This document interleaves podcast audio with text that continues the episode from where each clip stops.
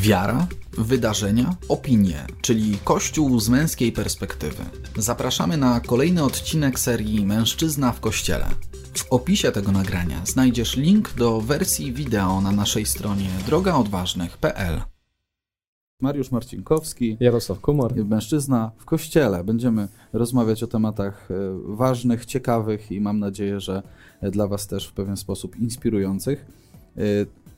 Dużo jest tematów, ciężko wybrać tak naprawdę i ja mam nadzieję, że dzisiaj tak spojrzałem na zegarek zanim weszliśmy, jest e, 10.19 tutaj u nas i e, mam nadzieję, że 11 godziny nie przekroczymy. Tak byśmy chcieli. No to ruszajmy. Jeżeli będziemy przekraczać, to wtedy Dajcie znać, czy nas widać, czy nas słychać. E, Jeśli jesteśmy, to polajkujcie, napiszcie komentarz. Przypominamy, że kliknięcie subskrybuj na naszym koncie na YouTubie pomoże nam docierać do większej ilości mężczyzn, a Tobie pozwoli wiedzieć na bieżąco, co się dzieje. Niedawno ukazał się fajny nowy odcinek o fryzjerze w smaku i życie. Pozdrawiamy Pawła Cichonia, Berbera, fryzjera e, i tam trochę ze świata fryzjerskiego. Bardzo ciekawe nagranie, więc warto sobie zobaczyć. Tak, nie, niech was nie zmyli Dawid Gacek, który zasadniczo fryzury żadnej nie ma, ale poprowadził ten odcinek, myślę, że bardzo ciekawie. Zaczniemy dzisiaj y, od y, Jana Pawła I. To może być zaskoczenie dla wielu, bo tu się toczą różne dyskusje i przetaczają przez Kościół na tematy wszelakie, ale y, do tego przejdziemy później. Jan Paweł I, czyżby błogosławionym już niedługo? No właśnie, na ostatniej prostej badanie cudu za jego wstawiennictwem, e, rzekomo za jego wstawiennictwem, ale rozumiem, że to badanie e, ma nam pokazać, czy, czy rzeczywiście ten cud e, No, był. był. Wydaje się, że jednak za jego stawiennictwem dziewczynka, która była nieuczalnie chora, modliła się właśnie do Jana Pawła I e, za jego wstawiennictwem, no Mhm. i została w stolny sposób uzdrowiona. Mm, Dziewczyna z Buenos Aires, więc bardzo ciekawa historia, zwłaszcza, że pontyfikat Jana Pawła II niezbyt długi, Pierwszego. e, pierwszego, e, a okazuje się, że jednak owocny. Tak jest. No, bo jest to, rozumiem, jakby mm, owoc, no nie tylko tego, tego, to był miesiąc, to był miesiąc, tak? 30 kilka dni. Dokładnie. Owoc nie tylko tego pontyfikatu, ale całego życia. 33 dni, tak. Mhm. Całego życia e, Jana Pawła I. No, bardzo ciekawa, piękna e, informacja i taka zaskakująca. My oczywiście tutaj mamy e, świadomość i, e, i taką, e, no, taką świadomość naszą w ogóle katolicką w Polsce zbudowaną bardzo mocno na postaci Jana Pawła II. Ten Jan Paweł I zawsze jako ten, ten papież uśmiechu, ten papież uśmiechnięty nam się e, gdzieś tam przypominał. E, No i kojarzył z Janem Pawłem e, drugim, który e, to je, przejął po nim, prawda, te, te, te imiona E, i, e, jakby ten mm, to, to jest pewnym kontynuatorem, przynajmniej od tej strony właśnie nazewnictwa e, przyjęcia tego tytułu. Natomiast właśnie e, nie tylko papież uśmiechu, jak się okazuje, no bardzo pięknie. Także czekamy, aż e, cud będzie ostatecznie potwierdzony. No właśnie, to dobra wiadomość dla nas, chociaż y, w, w dobie ostatnich takich różnych trudnych wiadomości z Mhm. kościoła i o kościele, y, rzeczywiście może ona gdzieś tam umyka, nikt nie zwraca na to uwagę i znowu jest tak, że to zło jakby jest takie bardzo afiszujące się Afiszujące to e, jest takie słowo klucz trochę, do tego, co chcemy kolejny teraz powiedzieć, chodzi o kolejny temat, Trochę tak o afiszach, billboardach i innych tego typu wynalazkach. Tak, być może widzieliście na ulicach, gdzieś, gdzieś w, w większych miastach, tak podejrzewam, e, właśnie te akcje billboardowe się e, pojawiają, gdzie walczą ze sobą na cytaty ze Słowa Bożego. e, Środowiska z jednej strony milczącej większości, tak, czyli stowarzyszenia, które, które widocznie e, tutaj jakby obrało sobie e, za oręż e, walki ze środowiskami LGBT właśnie Słowo Boże, które Mhm. wrzuca na billboardy, tak kolokwialnie mówiąc, wrzuca je na billboardy. No i druga strona nie pozostaje dłużna i również różne fragmenty Słowa Bożego kontrujące się pojawiają. Michał, mam nadzieję, nam pokaże przynajmniej niektóre przykłady, już widzimy. A tak, rzeczywiście. Tutaj mamy pod, pogląd, dziś, podgląd dzisiaj na, na ekranie. Tak, żeby bliżej. trochę pomóc, no to większość tych czarnych billboardów to są akcje tak naprawdę katolików, którzy, Mhm. no chyba trzeba już powiedzieć wprost, wyrywają z kontekstu Słowa Boże, Słowo Boże i wykorzystują je jako narzędzie, by celować w konkretną grupę społeczną. W tym przypadku to jest całe tak zwane środowisko LGTB.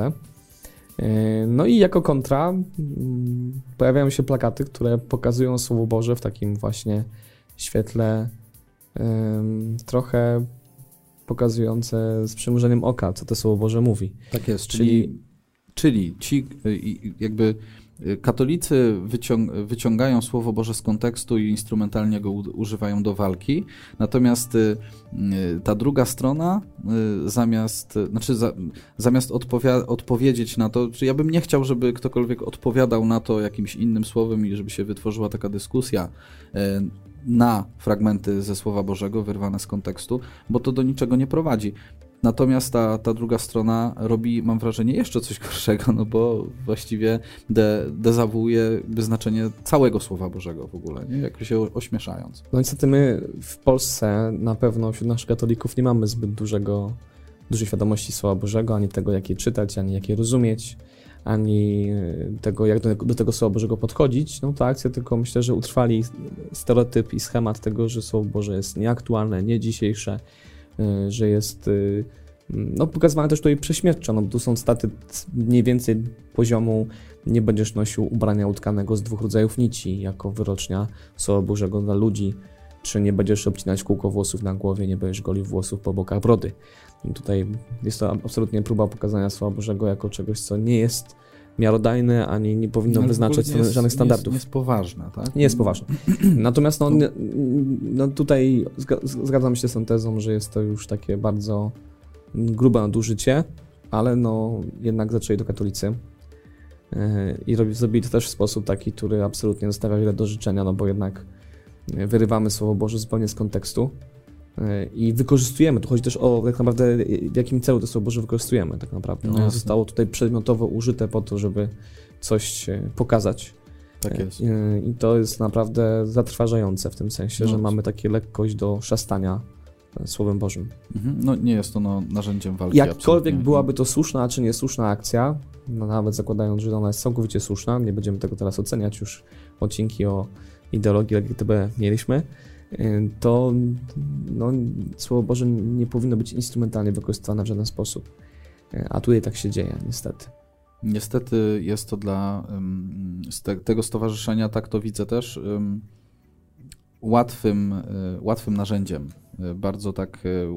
To, to, to, jest pójście trochę na łatwiznę, wyciągnięcie z kontekstu i, i wrzucenie tego po prostu na wielki format brzmi to rzeczywiście tak bardzo sugestywnie. Jeżeli ktoś e, przeczyta taki fragment, to może mieć tutaj wrażenie, że rzeczywiście jest, jest to takie zaoranie w cudzysłowie tej drugiej strony, no bo posługujemy się czymś, co jest dla katolików w ogóle podstawą, dla chrześcijan podstawą wiary. E, natomiast no, zupełnie nie ta metoda. No, Absolutnie. efekt może być tego taki, że no już z jednej strony widzimy efekt, że spotyka się to z takim poczuciem zupełnego atakowania tej strony Bogiem, a z drugiej strony myślę, że dla wielu katolików to oddali ich tylko od lektury Słowa mhm. Bożego. No jasne. I nie zachęci do tego, żeby to Słowo Boże wchodzili. A my w naszych programach, w naszych działaniach bardzo mocno podkreślamy to, że, że trzeba żyć Słowem Bożym. Czytać, też... je, czytać je też w kontekście, oczywiście, prawda? I, w ogóle. No właśnie, czytać się według jakichś zasad konkretnych, mm -hmm, tak? Jest pewna tak jest. forma interpretacji, rozumienia Słowa Bożego, rozumienia stylów, które zostały napisane, kontekstów historycznych, tego wszystkiego, co też pokazuje co jest ważne, no bo oczywiście żaden z nas przecież nie, nie jest posłuszne słowo, które mówi o tym, że nie wolno golić włosy, włosów, a nie podcinać brody. Jak widać. No, jesteśmy nieposłuszni temu słowu. Ty ostatnio nie podcinasz tutaj właśnie. No, zapuszczam, ja tak na kapucyno jadę. Pozdrawiam brata Adama. I nie tylko, wszystkich kapucynów pozdrawiam. W każdym razie mm, no musimy znać tę wartość słowa i też wiedzieć to Słowo Boże mówi, jak je interpretować, jak je rozumieć. Mamy przez Słowo Boże wiele różnych wtrętów kulturowych, e, czy opisując pewną rzeczywistość e, tamtych czasów, wyrwanie tego z kontekstu historycznego, czy kontekstu w ogóle znaczeniowego Słowa Bożego, no jest, e, no powiedziałbym nawet, że wołające o pomstę do nieba. No bo to jest słowo samego Boga, to tak jest, przedmiotowe używanie słów Boga. Tak, mam wrażenie, że sobie tego do końca nie uświadamiamy. Często w codzienności i tu mam taki bardzo wyraźny przykład. Y, jest artykuł w przewodniku katolickim Walka na słowo, tak się nazywa, jeśli dobrze tak pamiętam. Jest, tak, Walka na słowo. Y, I zapraszamy Was do do sięgnięcia na stronę przewodnika katolickiego, wojna na słowo nawet. Wojna na słowo, Monika Rzeczywiście bardzo takie rzeczowe podsumowanie całego, całej tej sytuacji. No, jest to... I to znowu element, który budzi też podziały wśród nas. Bo... No właśnie, o tym chciałem powiedzieć, że jest to jakiś element, znaczy też taki e, element obrazujący po prostu rzeczywistość dialogu trochę kościoła z nie tyle nawet, nie wiem, ideologami LGBT, środowiskami LGBT, ale generalnie dialogu kościoła ze światem. No, e, jakie metody przyjmujemy i jak jesteśmy na ten dialog otwarci, czy w ogóle na ten dialog powinniśmy być otwarci, no bo tutaj otwarcia na dialog absolutnie e, nie widać, prawda? Natomiast powiemy o tym jeszcze jeszcze, za chwilę o, o, o, tej takiej rzeczywistości właśnie dialogu, bo ona też się mm, ostatnio przewija w różnych dyskusjach na temat kryzysu w kościele, więc trochę też pokażemy Wam takich materiałów, do których warto w tym temacie sięgnąć. Natomiast mamy jeszcze, jeszcze tutaj taki temat klerycki e, w międzyczasie. jeszcze tak? za chwilkę, a mhm. też ciekawi jesteśmy Waszego zdania a propos tych billboardów, plakatów. Napiszcie proszę w komentarzach, jak do tego tematu się E, ustosunkowujecie, jak to widzicie? Czy zgadzacie, zgadzacie się z naszą opinią, że akcja sama w sobie raczej nietrafiona, a wręcz może przynieść efekty negatywne zarówno w kontekście przekonywania tych, którzy myślą inaczej, ale również tych, którzy są katolikami, ale może takimi bardziej trochę niedzielnymi, którzy z tym mm Słowem Bożym dużo nie obcują. I pewnie nawet nie mieli pojęcia, że takie fragmenty tam są. No jasne. No, no właśnie, napiszcie, napiszcie w komentarzach, jak się pojawią, to do nich wrócimy, a wywołałeś temat ciekawy, bo jest początek roku akademickiego, y, wyjątkowego, bo w dobie pandemii różne rzeczy się dzieją na tych naszych uczelniach i szkołach, różne dziwne wytyczne się pojawiają, to też jest ciekawe. No tak. Każda szkoła trochę inaczej autonomię. i, tak. i od skrajności w skrajność, tak trochę się obserwuje, ale no, ten nowy rok to również nowy rok akademicki w seminariach seminariach. No i mm, to, ksiądz... są, to są sami mężczyźni w kościele. Dokładnie. Więc temat, temat bardzo idealnie trafiony. Ksiądz profesor Pawlina y, wydał takie opracowanie dotyczące spróbując odpowiedzieć na pytanie, kim jest ten współczesny kleryk, który rozpoczyna mm swoją przygodę w seminarium w 2020 roku.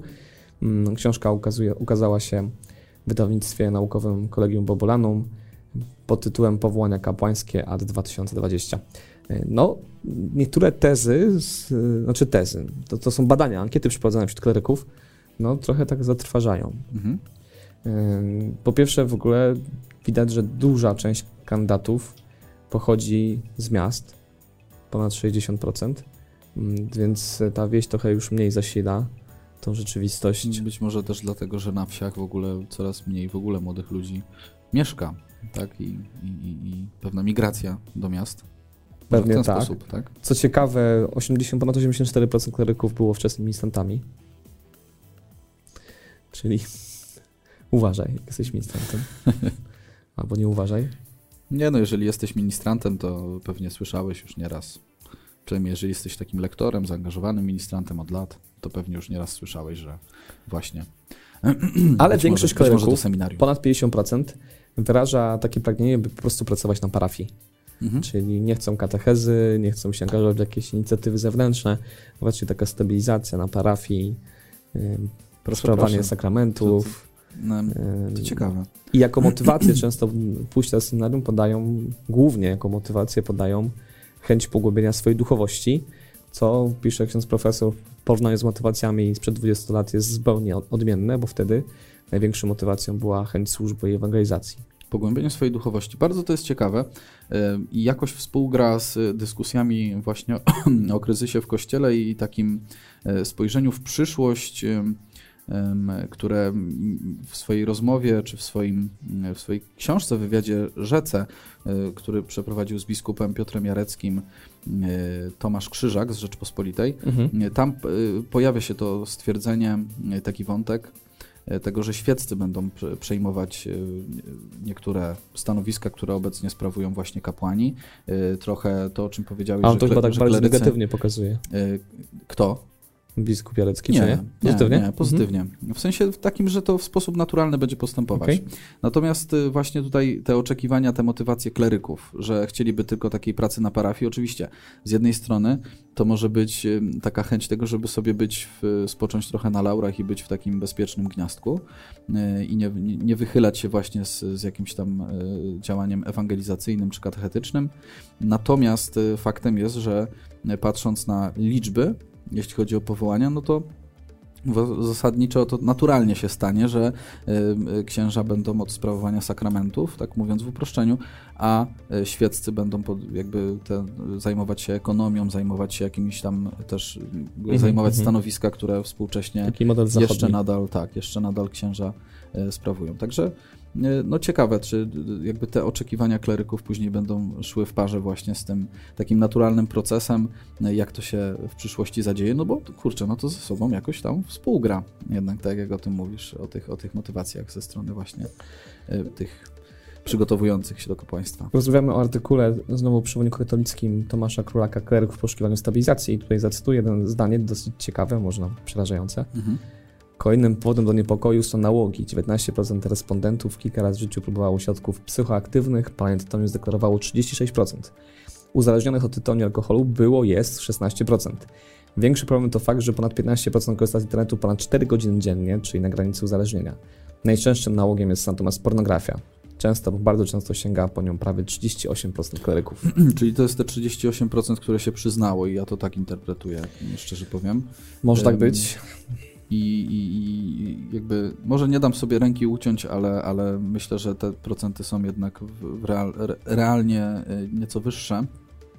Mhm. Y, słyszałem ostatnio, y, nagrywając jeden z materiałów na drogę odważnych, rozmawiając z jednym z moich gości, o tym, że jakby plagą wśród kapłań, kapłanów wydaje się w takim medialnym przekazie pedofilia, czy do pewnego momentu się wydawała, wydawała, natomiast on użył takiego stwierdzenia i był bardzo, bardzo o tym przekonany, że gdyby wziąć, zinwigilować komputery, mhm. komputery księży, czy nie wiem, czy, czy o klerykach nic nie powiedział, ale komputery księży, to byśmy się naprawdę przerazili. W tym sensie, że że rzeczywiście to uzależnienie od pornografii, czy generalnie obecność pornografii w życiu, e, w życiu kapłanów jest, e, jest dużym problemem. I to nie jest żaden oficjalny głos, to nie są żadne badania, tylko jakaś prywatna opinia jednego człowieka, który jest wewnątrz kościoła, który jest bardzo e, też zorientowany w rzeczywistości mhm. jakby kapłanów i współpracuje z nimi. Więc jakby oczywiście z pewną taką rezerwą to traktuję, natomiast jest to jakimś tam sygnałem. Te badania no, coś to pokazują. potwierdzają w jakimś mhm. sensie. Też myślę, że możemy się podzielić naszym doświadczeniem pracy w kilku seminariach i rzeczywiście ten problem w ogóle rozumienia ciała chyba tak naprawdę mhm. i swojej seksualności, Dokładnie. bo to jest ten temat, który też powraca w kontekście pewnych nadużyć, które mamy, y, pewnej zmierzenia się z moją seksualnością, z moimi potrzebami, z tym, jak ta seksualność ma się realizować w przestrzeni czystości choćby nawet, czy konkretnie już mówiąc celibatu, no to są tematy, które wymagają na pewno takiej pogłębionej refleksji i też zmierzenia się z nimi wśród tych kleryków. W tym sensie teologia ciała i to, co ona proponuje, jest naprawdę pewną propozycją nowego zupełnie spojrzenia, nowego, starego trochę w myśl zasady biblijnej, biblijnego fragmentu Ewangelii, na którym powołuje się Jan Paweł II, mówiąc nie tak było na początku, mhm. że może też potrzebujemy do tego wrócić. Mm, I to jest rzeczywiście bardzo niepokojące, Chociaż y, ja kiedyś słyszałem taką bardzo mądrą decyzję, mądry, mądry głos, że kondycja kapłanów jest po prostu obrazem kondycji społeczeństwa, y, kondycja kleryków, no bo oni się wywodzą jednak z tego społeczeństwa, jakby nie patrzeć. Y, I w tym sensie to obrazuje obraz całość, pokazuje obraz całościowy. Natomiast przydałoby się na pewno mm, tutaj podjąć jakąś głębszą refleksję i jakoś na te potrzeby Y, poruszenia tych tematów reagować, bo ten obraz może być trochę niepokojący. Oczywiście tutaj ksiądz profesor mówi, że trudno jeszcze osądzić, czy to jest lepiej, czy gorzej, na pewno jest inaczej. W moim poczuciu na pewno przesunięcie akcentu na to, że y, jest potrzeba rozwoju duchowego, z jednej strony wydaje się bardzo pozytywne, no bo, no bo y, pokazuje, że ci młodzi mężczyźni mają aspiracje głębszej relacji z Bogiem, mhm. ale ostatecznie um, nie po to siedzi w seminarium, żeby Y, tylko i wyłącznie skupić się na relacji z Bogiem, tylko to właśnie wymiar kapłański to wymiar przede wszystkim służby. Tak no i to też jest jakaś domena naszych czasów, że nam się łatwo bierze, a bardzo trudno nam się daje. Zwłaszcza kiedy dajemy, a to nie chce tego przyjąć. A myślę, że mamy taki teraz setup w polskim kościele, że, że to, co kościelne robi się w oczach społecznych taki passe trochę. Mhm. Nie, prawda? To budzi niepokój, no bo mamy te wszystkie afery, które sprawiają, że niekoniecznie musimy się z, tym, z tą rzeczywistością utożsamiać. Dariusz pisze, na upartego Słowem Bożym w kontekście e, naszych rozmów o plakatach i billboardach można usprawiedliwić wszystko, dlatego trzeba je brać jako całość pod mądrym interpretowaniem przez Kościół. No ja myślę, że też jest ten problem, że my dzisiaj nie chcemy interpretacji Kościoła. Tak, uważamy ją za zbędną w tym sensie, że, jakby taką, że ko Kościół trochę e, współcześnie odbiera sobie prawo do tego, żeby nam wyjaśnić Słowo Boże, no bo jest taki czy inny, nie? Dokładnie, albo budzi się takie przekonanie u wielu osób, że to jest interpretacja Kościoła na jego użytek. Otóż to. Żeby realizować hmm. jego potrzeby w świecie, więc tracimy te zaufanie do Kościoła. Niewątpliwie. No i to jest jakieś wyzwanie, żeby. E, no chyba wyzwanie dla nas jednak. Dla świeckich, żeby. No bo to, to powołałeś mm -hmm. na tą rozmowę z biskupem Jareckim, tak który mm -hmm. mówi, że jednak chyba Tutaj się nie da odwrócić tak, pewnego, no to, to, pewnej to, tendencji. To zaangażowanie świeckich, ono nie może się ograniczyć e, tylko do, do zajmowania jakichś stanowisk, czy zastępowania księży, których będzie brakowało, ale oczywiście e, on, jakby biskup Jarecki i pan Krzyżak razem z jednym z redaktorów e, Deona, bo to była rozmowa zorganizowana mm -hmm, przez -hmm. właśnie Deon Live, taki kanał na YouTubie, oni tam mówią w ogóle o pewnej misji prorockiej, która stoi przed nami świeckimi. Stawiają taką tezę, że e, trudno spodziewać się, że mm, Kościół będzie się zmieniał dzięki hierarchom. Mhm, I mhm. jakby pokazują, że w, w, Biblii, kiedy spojrzymy w ogóle na biblijnych proroków, nomen omen, właśnie to, to widzimy, że oni nigdy nie byli specjalnie chciani przez, te, przez właśnie społeczność, do której przychodzili z jakimś przekazem.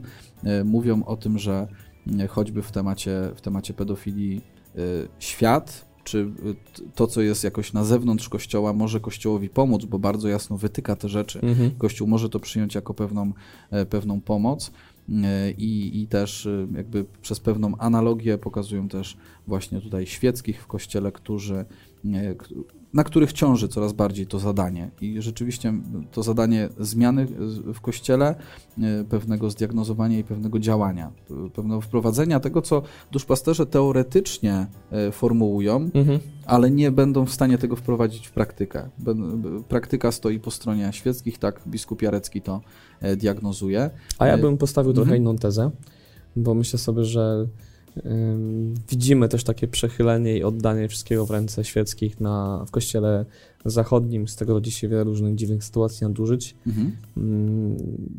I boję się, że to może być, wiesz, takie przechylenie zupełnie w drugą stronę. No jasne. A my ciągle nie potrafimy mówić o pewnym dialogu i bliskości między duchowieństwem a świeckimi i tego, że ten kościół razem budujemy i razem powinniśmy go stworzyć e, i razem siebie wspierać. No to, co robimy też na drodze odważnej, czyli w naszych programach formacyjne są klerycy, są kapłani, bo i doświadczenie jest takie, że my dzięki temu uczymy się ich kapłaństwa, a oni się uczą też tego, co znaczy być mężczyzną, jak sobie radzić z różnymi wyzwaniami, które przynosi współczesny świat i jak przeżywać swoją męskość w ogóle w kontekście tego powołania, które, które wybrali. E, więc mi jednak się bardziej dźwięczy w głowie to, że potrzeba bliskości, po prostu mhm. przybliżenia tego duchowieństwa świeckim i, i nadania wartości temu, co robią świeccy przez duchowieństwo bo często jest tak, że y, duchowieństwo patrzy na świecki z takim trochę, wiesz, no niech sobie tam działają. Niech sobie tam działają, tam ale oni my tu niewiele wiedzą, tak, prawda? Tak, a my jesteśmy tymi przygotowanymi. Tak. A my z kolei często patrzymy na, na nich jako oderwanych rzeczywistości, którzy siedzą gdzieś tam wysoko i niewiele wiedzą nie potrafią wiedzą życiu. Więc potrzeba tutaj absolutnie spotkania i wymiany tych doświadczeń i stworzenia w końcu czegoś wspólnie, i to moim zdaniem będzie przynosić mm, tak, ciekawie, ciekawie tutaj rozmówcy, zresztą też zapraszamy Was do tej rozmowy, y, znajdziecie ją sobie na, na YouTubie. E, biskupa Jareckiego i, i, i, e, Tomasza Krzyżaka, e, też pokazują to, o czym mówisz, na przykładzie może takim trochę, nie wiem, skostniale brzmiącym, ale rad parafialnych. I tego, że rady parafialne, biskup Jarecki pokazuje, że ma, jest kilka takich parafii, które zna w Warszawie, w archidiecezji mhm, warszawskiej, mhm. tutaj gdzie służy, że tutaj y, rady parafialne działają fenomenalnie i że parafie mają e, też po prostu swoich specjalistów od ekonomii, swoich specjalistów od y, też działań duszpasterskich. Tutaj taki przykład się pojawił, więc go powtórzę, jezuici na Rakowieckiej.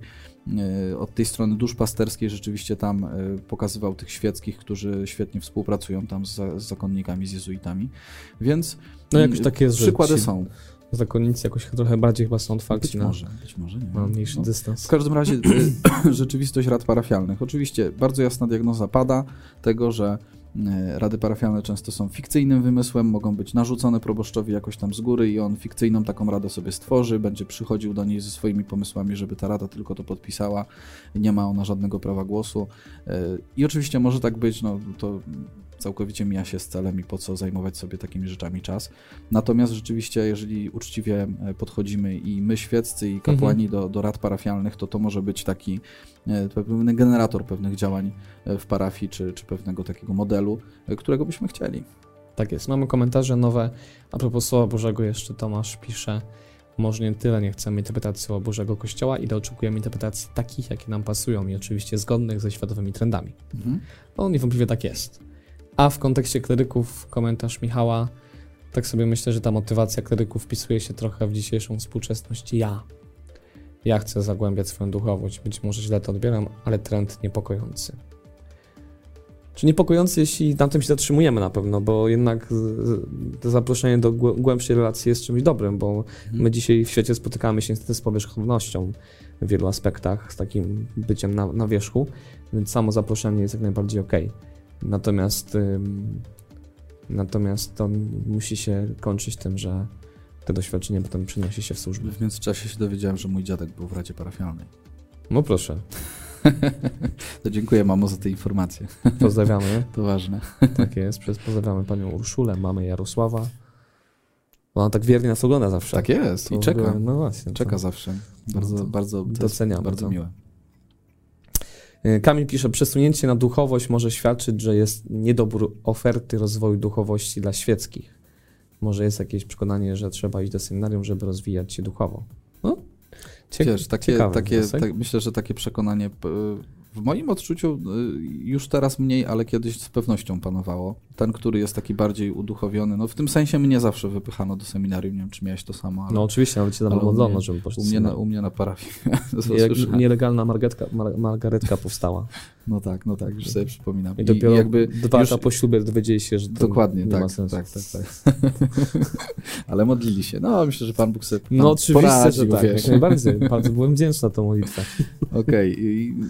no tak, tak, ja, ja też... Chociaż przypomniały mi się słowa, że modlicie się, a nie wiecie jak się modlić, albo o co się modlić. I o co no, właściwie, no, tak ale to Tak, no, natomiast no właśnie, myślę, że dawniej y, o, ludzie, którzy, y, którzy jakoś się angażowali w parafii, od razu się myślało, że oni pójdą rzeczywiście do seminarium. Mm -hmm, no mm -hmm. dzisiaj to, to w mniejszym stopniu wydaje mi się, bo, bo też y, każdy widzi pewien kryzys powołań i myślę, że też e, społeczeństwo czy ludzie w kościele sobie już powoli chyba uświadamiają, że, że jakby seminarium to, to jest też taka coraz mniej popularna, popularna droga rozwoju duchowości, chociaż z drugiej strony, no właśnie, czy my dajemy Tutaj rozwój duchowości w sensie świeckim. Dotykasz właśnie jakoś, takiego nie? dosyć ważnego tematu naprawdę, bo mm zobaczcie, my też w Kościele zaniedbaliśmy zupełnie każdą inną duchowość na przykład duchowość małżeńska, zupełnie nierozwijana, no bo sprowadzona tylko do relacji, do Gungora, który y, oczywiście bardzo jest y, rozwojowy i wspierający relacje, ale to jest sakrament małżeństwa, więc tam też jakaś duchowość, która może tak w ocenie ludzi rzeczywiście była oceniona jako ta mniejsza, słabsza, a ta prawdziwa duchowość to właśnie seminarium, to, to jest duchowość. I może rzeczywiście przez to taki obraz się rodził, że każdy, kto był bardziej pobożniejszy czy bardziej uduchowiony, to wiadomo, że już musiał być księdzem tak czy pójść do zakonu. A dzisiaj ten, ta wartość już została zdewalowana przez świat i właściwie ludzie, ja mam inną tezę, zaczynają szukać tej duchowości po prostu poza kościołem. Aż tak. No tak, to myślę, że te religie wschodu no przez tak. różne praktyki tutaj nam też się wkradają bardzo mocno, bo kuszą taką propozycją prawdziwej duchowości, tak? Mm -hmm. Nie umoczonej w żadnych różnych dziwnych rzeczach, tylko właśnie takiej zapraszającej do jakiejś głębokości życia. No i teraz chyba trochę tak wracamy do tego, co, co możemy zrobić jako Kościół, bo to od razu się, odpala się takie myślenie, że musimy coś robić, w sensie jakąś, a, robić jakieś akcje Mhm, ewangelizacyjne, które sprawią, że ci ludzie, którzy są gdzieś na obrzeżach, przyjdą. Y, To jest trochę to, co my robimy na co dzień, jako Klub Magis, jako Przymierze, jako, jako Droga Odważnych, nie? Mhm. Natomiast y, myślę, że są takie dwie ścieżki tego działania. Z jednej strony ja na przykład ostatnio słuchałem i jak będzie czas, to się trochę na to też powołamy, e, debaty e, telewizji w realu24.pl. To jest taka, taka tele, te, telewizja patriotyczna, Narodowa. też taka mocno e, tradycjonalistyczna od tej strony katolickiej. I tutaj na to pięciolecie była taka dyskusja o kryzysie właśnie w kościele, pewne, próba pewnej diagnozy. I tam padł taki przekaz, że musimy wrócić właśnie do, do, do pewnego tradycyjnego modelu kościoła, takiego y, mocno y, nastawionego na liturgię, na twarde takie nauczanie, na to, że y, Mhm. po prostu jako kościół jesteśmy, jakby trochę cofamy się do czasów przedsoborowych. Myślę, że to jest też takie, takie powszechne myślenie w tym środowisku. Natomiast z drugiej strony mamy mm, działanie ewangelizacyjne, działanie mocno do przodu. Czy tutaj da się znaleźć taki, taki środek pewien w tym wszystkim? Środek, który mógłby oznaczać bardziej takie y, wpatrzenie się w Chrystusa, poszukanie odpowiedzi, trochę takie wyciszenie się? Może to w tę stronę iść? No, rzeczywiście próbujemy szukać rozwiązań. Mhm. Ci bardziej tradycyjni będą widzieć tak naprawdę powrót do korzeni, do tradycji drugi, tak jak powiedziałeś, jako jedyny ratunek. Tak naprawdę z kolei ci bardziej charyzmatyczni moglibyśmy tak uprościć system, Tak, tak. chociaż to jest duże uproszczenie. Oczywiście. e, będą mówić, że potrzeba pewnego otwarcia się kościoła e, i jedni drugich nie chcą słuchać. Ci charyzmatycy boją się, że będziemy za chwilkę wszyscy po łacinie mówić e, i będziemy mieli ogromny dystans do Boga, przez to zbudowany, a drudzy zarzucają tamtym, że zaraz porzucimy prawdziwą tożsamość i protestanci będą rządzić w naszym kościele. Tak jest. No i teraz jak w tym wszystkim znaleźć środek? No to jest, no to jest ciekawe bardzo pytanie. No, No, znaczy musimy sobie uświadomić, że Kościół to nie tylko tradycjonaliści e, I charyzmatycy. i charyzmatycy nie? więc e, generalnie e, to, to jest też dla nas takie zadanie, żebyśmy po prostu szukali też różnych głosów. papież Franciszek i- ostatnio wydawał mi się takim papieżem środka trochę, bo Mhm. na ile ostatnio, często go poznajemy z takiej strony bardzo otwartej, wychodzącej naprzeciw. Oczywiście mówiliśmy też o tym w ostatnim odcinku, wyrywanej również z kontekstu trochę jak te Słowo Boże, chociaż oczywiście nie porównuję papieża Franciszka do Słowa Bożego, żeby była jasność. Tak jest. E, Ale ostatnio przecież, e, tak już idąc trochę temat dalej, Mhm. e, bardzo kontrowersyjna sytuacja w Niemczech. Episkopat niemiecki wydał dokument wraz ze współpracą z protestantami o interkomunii w kościele Mhm. niemieckim, czyli dopuszczeniu do sakramentów, do sakramentu komunii w małżeństwach mieszanych protestantów. E, No i parę dni temu Stolica Apostolska wysłała list e, z takim dosyć dużym sprzeciwem wobec e, tego dokumentu niemieckiego i- wobec pewnej drogi, którą sobie obrali synodalnej w tym No tak. kierunku, stawiając dużo pytań. No jestem ciekaw, co Kościół niemiecki zrobi. Kościół niemiecki już wielokrotnie w historii em, niewiele sobie robił z opinii Stolicy Apostolskiej. Kościół niemiecki jest trochę pokazywany przez właśnie te ruchy tradycjonalistyczne jako ten taki przykład, Najbardziej progresywny. przykład tego, że to za chwilę będzie u nas. Dokładnie. E, No ale tutaj jednak Stolica Apostolska twardo powiedziała, że to nie jest droga i że potrzeba jeszcze przemyślenia też takiego teologicznego, sakramentalnego i że nie możemy sobie pozwolić na takie uproszczenie. Swoją drogą też bardzo ciekawa dysputa teologiczna. E, Można sobie poszukać w internecie zarówno tego dokument, ten dokument niemiecki, jak i odpowiedź Stolicy Apostolskiej. Mhm. Lada moment. Myślę, że nie wiem, czy przy, na przyszłym odcinku, czy na mężczyznę w kościele, czy jeszcze w kolejnym będziemy mogli odpowiedzieć, co powiedział episkopat niemiecki, bo teraz będą mieli spotkanie No plenarne, gdzie będą się odnosić do tego dokumentu, który wydała Stolica Apostolska. Więc no, można szukać środka, prawda? Można z jednej strony być otwartym na rzeczywistość, na spotkanie, bo myślę, że to jest ten klucz. Jak patrzymy na Jezusa, to widzimy człowieka, który, i Boga, człowieka, który potrafił wejść w spotkanie i w relację, nie tracąc swojej tożsamości i świadomości tego, kim jest, a jednocześnie y, umiejąc trochę postawić się też w sytuacji drugiej osoby i zobaczyć na świat z jej perspektywy, jej Mhm. oczami. Nam tego brakuje. Myślę, że nas ciągle jest taki lęk, że albo się zamkniemy, albo się za bardzo otworzymy Tak jest. takie, wiesz, napięcie, które ciągle gdzieś tam buzuje i zaczynamy się w tym gubić. No, mnie osobiście spojrzenie bo rzeczywiście w Ewangelię i, i ten, ten, taki codzienny kontakt ze Słowem Bożym jest niesamowicie kluczowy w tym wszystkim. Już mówiliśmy o, o właśnie billboardach. Kamil pisze. I Słowie Bożym. Może nie tyle środek, co bogactwo Kościoła. Potrzeba mhm. miejsca w Kościele i dla charyzmatycznych, i dla tradycyjnych. Jedność w różnorodności. Oby no, tylko byli jest... gotowi stanąć obok siebie w jednej ławce. To jest idealny, idealny obraz, nie? Y, y, spojrzenie na samego Chrystusa jest y, tutaj, myślę, takim clue całej dyskusji i ten mnie osobiście bardzo tak ustawia, do pionu ustawia w, w takiej odpowiedniej perspektywie, trochę takiej właśnie, o, o, jakiej Kamil tutaj napisał, Jezusa i tego, jak On się zachowywał, no nie mm -hmm, wiem, -hmm. wobec właśnie celników, grzeszników i, i, i, osób, które po prostu nie według, według dzisiejszego katolika... Chyba, nic, chyba się nic nie zmieniło tak naprawdę. No, Mieliśmy faryzeuszy, którzy szli za bardzo w stronę prawa i wierności prawa, tak prawu.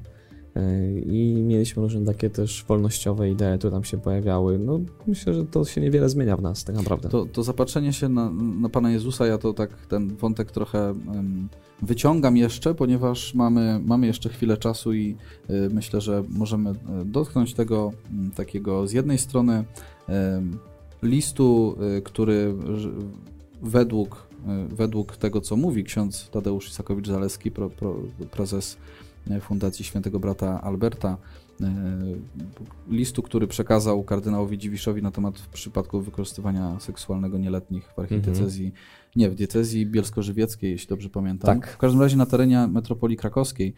Podległej bezpośrednio w tutaj, jurysdykcji Tak, to, to, było, to, to, to się wydarzyło mniej więcej w okolicach znaczy informacja o tym pojawiła się mniej więcej w okolicach e, święta podwyższenia Krzyża Świętego, więc e, w zasadzie chyba tuż po ostatniej naszej audycji, gdzieś wydaje mi się, że w środę. Natomiast e, nieco wcześniej też z drugiej strony pojawił się film ojca Adama Szustaka z, z takim przekazem, że ojciec Adam ma już dość. Ma dość generalnie siebie z jednej strony jako człowieka słabego e, w kościele, ale z drugiej strony ma dość biskupów, ma dość e, kościoła, który obserwuje. Czuje się w patologicznej rodzinie. Tak jest. Chciałbym po powiązać te dwie sprawy, chociaż prawdopodobnie jak ojciec Adam nagrywał ten film, to jeszcze nie słyszał o sprawie właśnie, która wypłynęła w związku z księdzem Tadeuszem Isakowiczem Zaleskim. A, no, nie, nie oczywiście... wiem, a wydaje mi się, że chyba, chyba jednak tak. Tak? Mhm. No być może. To jakby nie, tutaj... nie wiem, czy już list został publikowany, ale już mhm. to napięcie, gdzie ksiądz kardynał twierdził, że nie było żadnego spotkania, albo, albo nie pamięta takiego spotkania, nie, nie mógł go odnaleźć. Nie, w rejestrach kurialnych w rejestrach. też nigdzie nie I odpowiedź y, mhm księdza Zaleckiego o tym, że takie spotkanie miało miejsce i że to przekazywał, to na pewno to już chyba się wydarzało. Natomiast no nie wiem, czy już list został publiko wtedy opublikowany. Nie, nie twierdzę, że to był jakiś bezpośredni impuls y, do tego, y, do tego filmu. Ale trochę kamyczek do grudka chyba jednak. Tak.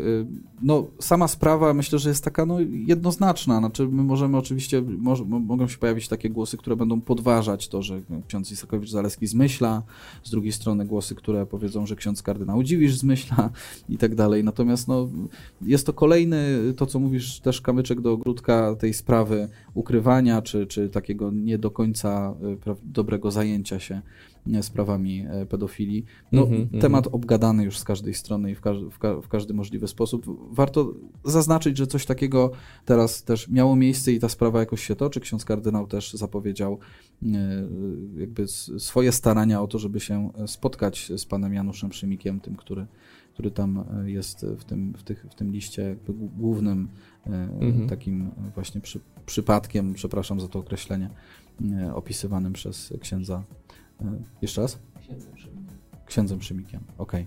Okay. W każdym razie, w każdym razie, ale z tego co pamiętam, to, to chodziło też o spotkanie z ofiarą. No, mhm, mniejsza mhm. z tym. Tutaj, tutaj jakby widzimy coś, co być może wyzwoliło taki, taki pewną, nie wiem, czy to można nazwać złością, ale takie, takie już, taką już bezradność wobec Kościoła u jednego z duszpasterzy, takich nazwiemy to, myślę, wpływowych, e, który, który ma, ma spory posłuch, choć Kiedyś oczywiście też... poczytnych. No tak, a teraz, a teraz pooglądnych. Chyba tak. E, na pewno takich, takiego, który ma dużo po prostu subskrypcji, dużo widzów. No, nie podobało mi się to stwierdzenie o tym, że żyjemy w rodzinie, gdzie mamy po prostu patologicznych rodziców, czy że nasi przewodnicy są, są patologiczni. To nie jest taka czarno-biała rzeczywistość. Sam ojciec Adam często to podkreśla i myślę, że tutaj y, jedno zdanie, czy jedno słowo za dużo według mnie y, w tym, w tym kontekście. Natomiast y, media przedstawiały tą jego wypowiedź media katolickie, czy Deon, czy Aleteja, mhm. Y, czytałem troszkę takich relacji, które mnie do tego filmu zaprowadziły i te relacje mówiły, mówiły mi o tym, że ojciec Adam powiedział, y, powiedział głównie to, że ma dosyć biskupów, i głównie to, że słyszał, że trzech księży już słyszał jadąc na do tego miejsca, gdzie nagrywał ten filmik, już słyszał o trzech księżach, w tym jednym znanym, który za chwilę opuści kościół, bo też nie może patrzeć na to, co się w nim dzieje. To słyszałem z przekazów medialnych, kiedy obejrzałem film, e, usłyszałem człowieka, który przede wszystkim chce zakomunikować swoim przyjaciołom, swoim widzom, tym, którzy, którzy go, e, którzy w jakiś sposób tworzą tę społeczność Langusty na Palmie, e, że on ostatnio, w ostatnim czasie w Słowie Bożym słyszy Adam zamknij się, i, e, i patrz po prostu na krzyż. Po prostu mhm, się, po mhm. prostu się zatop w adoracji krzyża, tej miłości, która oddaje siebie i że to jest pewna recepta na tą bezsilność, na tą, na tą po prostu takie, taką stan, w którym ręce opadają. Nie? Więc taki wielowarstwowy przekaz, ale myślę, że właśnie to powinniśmy wyciągnąć z niego jako, jako takie, e, taką podstawową prawdę. E, czy, czy takie, takie pewne wezwanie. Dla, ja osobiście to, to odbieram jako, jako pewne, pewne wezwanie, choć jeszcze mm, takiej bezsilności nie mam, jak e, ojciec Adam, może za mało jeszcze widziałem, nie wiem. Mhm. także także no, no taki, no. myślę, że odpalenie takiego trudnego, trudnego tematu, czy włożenie trochę takiego, nie wiem, kija w mrowisko, czy próba pewnego uciszenia może też, też różnych nastrojów w kościele. Jak to odbierasz? No tak zastanawiałem się, bo oglądałem ten film też, mhm. nie, nie przez Deona, ale jakoś tak mi się na YouTubie wyświetlił, więc y, mam podobne odczucia, że może rzeczywiście trochę radykalnie pewne rzeczy przedstawia i jeszcze robi to w kontekście braci, że to nie jest tak. tylko jego jedyna opinia, ale tak. też takim, wszyscy raz mamy takie odczucie, bo to był jakiś wyjazd taki formacyjny. No to tak sobie pomyślałem z drugiej strony, że dlaczego w ogóle tak, tak poszedł w taką ostrą narrację, jeśli chodzi o to jedno sformułowanie dotyczące tej patologicznej rodziny, mhm. to z drugiej strony pomyślałem, że my mamy takie oczekiwanie, które ciągle jest niezrealizowane w episkopacie polskim, żeby ci biskupi wyszli i po prostu powiedzieli przepraszam, robimy, działamy i pokazali, że im zależy. I rozmawialiśmy już o tym, że u nie księdza, pana Mazurka był jeden mhm. biskup, no tak. który naprawdę wypowiedział się bardzo odważnie w kontekście tego wszystkiego, ale tak nam brakuje takich głosów bardzo wyraźnych. I chyba stąd się rodzi ta frustracja i to zmęczenie tym wszystkim. Bo nawet w tym kontekście tej sytuacji z kardynałem Dziewiszem czy księdzem Zaleskim ciągle widzimy, na ile to jest rzeczywiście prawdziwe, ale widzimy ciągle taką sytuację, w której brakuje tej przejrzystości, szczerości. Może nawet powiedziałbym to, co mówiliśmy wcześniej, takiego poważnego traktowania świeckich. Tak bo trochę mam takie wrażenie, nie zakładając złych intencji, że często y, Kościół ukrywał pewne fakty po to, żeby chronić y, moralność ludzi, czy tam ich nie gorszyć, robiąc to w takiej wierze trochę, no, że oni pewnie do końca to zrozumieją, albo trudno będzie im przyjąć, my powinniśmy to posprzątać. Y, I to też pokazywało, pokazuje, że ciąga tych świeckich się patrzy w jakiś taki niewłaściwy sposób. Więc taki głos um, ojca Dama rzeczywiście jest jednym z niewielu głosów. No tak. Tak, i w tym sensie nabiera znaczenia takim świecie medialnym. Ale tego skierowania do krzyża, już nawet przez chwilę myślałem, jak oglądałem odcinek, że zrobię jakąś akcję pod krzyżem, e, że tak. wszystkich wzywa tutaj, że będziemy się teraz gromadzić w jakichś różnych No, miejscach. natomiast no właśnie on też to tak powiedział, to, to mnie ujęło, bo ja osobiście przyznam, że nie, nie zawsze mnie ojciec Adam ujmuje. w tym momencie mnie to ujęło, bo, bo po prostu e, to było właśnie takie e, trochę przytulenie się do, do Boga tym wszystkim. Tak, tak to dostrzegłem, bo to nie, nie to, mhm. że ja mam popatrzeć na krzyż i e, zobaczyć miłość, która oddaje siebie, poświęcenie i tak dalej i teraz od razu e, mam to przełożyć na siebie, naśladować go w ten sposób, że będę teraz robił jakieś akcje i w nich poświęcał siebie. No nie. No to też bardzo mocno podkreśla, że oczywiście nie, nie, nie chodzi o to, żeby Kościół opuszczać i że on tak, też tak. ten Kościół nie będzie opuszczał w żaden sposób. To też jest jakby ważne, bo w mm. tym kontekście różnych debat często pojawia się taki argument, że że może warto z tego kościoła wyjść i zacząć gdzie indziej od nowa, no bo już tak bardzo zepsuty jest. A tutaj pada taka teza dosyć mocna, że prawda jest zepsuty, ale to nie tylko jest ta rzeczywistość kościoła, ja tym kościele dalej chcę być e, i muszę zaczynać od siebie. Mhm. Zresztą on tak w ogóle zaczyna ten odcinek, że najwięcej żal ma do siebie. No oczywiście, tak, tak, tak, to jest, to jest taki początek. Oczywiście wiele, inni będą zarzucać, że to jest taka zagrywka, manipulacja, zagrywka żeby, taka. wiesz, no żeby tak. siłę ciężkości jakby trochę złagodzić. Mhm. Myślę, że w tym temacie każdy głos będzie miał swoich zwolenników i przeciwników. To byś nie wypowiedział, jakbyś nie wypowiedział, to zawsze komuś to nie będzie pasować. Natomiast no, y, chcę, żeby, chcielibyśmy, żebyście też mieli tę świadomość, że przez media, czy przez y, zwłaszcza te takie YouTube'owe media ostatnio, mam wrażenie, przetaczają się dyskusje o kondycji Kościoła, o kryzysie w Kościele, o tym, jak z niego wychodzić, jakich recept szukać. I po prostu do tego warto sięgać, również y, jakby do, do tej strony znowu w uproszczeniu dużym nazwiemy, ale takiej może bardziej liberalnej i do tej strony bardziej tradycyjnej. Otwartej może nazwiemy Otwartej, słowo liberalne to już ma złe nawet konotacje w naszych odcinkach. Tak jest.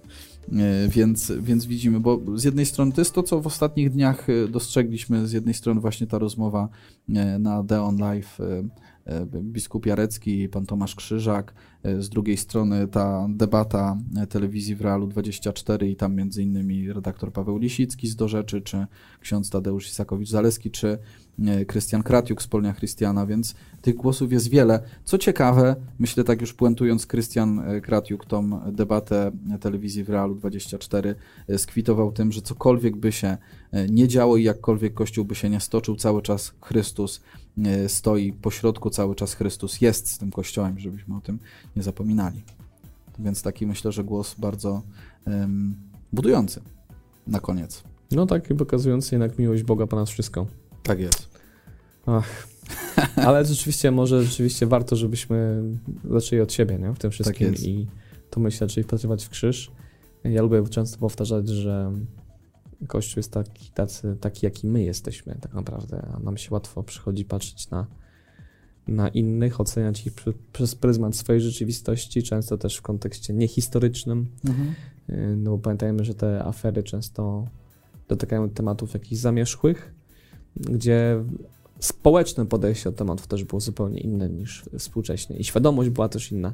To nie jest coś, co w jakiś sposób ma kogoś usprawiedliwiać, ale no, no, to jest trochę tak jak patrzenie na Słowo Boże przez pryzmat niegolenia brody i włosów, słowa, które padły kilka tysięcy lat temu e, w pewnej kulturze i okolicznościach. E, I dzisiaj będziemy je oceniać jako, nie wiem, złe albo błędne. No, no nie, no zupełnie nie, nie. Musimy widzieć ten kontekst. E, I ten kontekst też zaczynamy widzieć wtedy, kiedy zaczynamy patrzeć na siebie. Bo trochę nas to sprowadza na ziemię. Że tak naprawdę, jak spojrzysz w swoje życie, swoje grzechy, swoje słabości, no to gdyby Kościół składał się z samych Jarosławów i Mariuszów, nie wiem, czy byłoby jakoś wyjątkowo lepiej. Specyficzny byłby to Kościół bardzo. Może inne problemy trochę, ale, ale ciągle jednak potrzeba by było Jezusa, który powiedział tak was kocham. I tak. I tak was kocham, okej. Okay. Okej, okay, dziękuję wam serdecznie. Zapraszamy i odsyłamy do tych materiałów, który, którymi dzisiaj się posiłkowaliśmy. E, było tego dużo, zdajemy sobie sprawę, zdajemy sobie sprawę, że może trochę taki wyniknął z tego miszmasz, ale mam nadzieję, że wątku po drodze e, nie zgubiliśmy, a Jan Paweł I, jeżeli zostanie błogosławionym, no to miejmy nadzieję, że będzie też takim bardzo pozytywnym akcentem w całym tym, w tej, tej rzeczywistości kryzysu Kościoła. Bardzo serdecznie Wam dziękujemy za dzisiaj. Dzisiaj wyjątkowo długo, ale dzisiaj bardzo dużo tematów, bardzo różnych tematów z różnych kategorii. Zapraszamy do naszych inicjatyw, zapraszamy na stronę drogaodważnych.pl, zapraszamy do klubu Magis, tam poranki codziennie, a właściwie trzy razy w tygodniu, może nie codziennie, przesadziłem jutro już o rozwoju fizycznym, kolejny poranek. Warto z nami być. Będzie to poranek też otwarcie transmitowany na, na Facebooku, więc 6.30 e, nie spóźnijcie się, tylko bądźcie z nami również wtedy. E, a my idziemy dalej. Działać. Droga odważnych to droga, gdzie jest i działanie, i głębsza refleksja. Jedno i drugie nam potrzebne. Dziękujemy za dzisiaj. Jarosław Kumor i Mariusz Marcinkowski. Do zobaczenia z Bogiem. Z Bogiem. Słuchałeś odcinka serii Mężczyzna w Kościele. Jeśli chcesz nas poznać bliżej, zapraszamy na drogaodważnych.pl.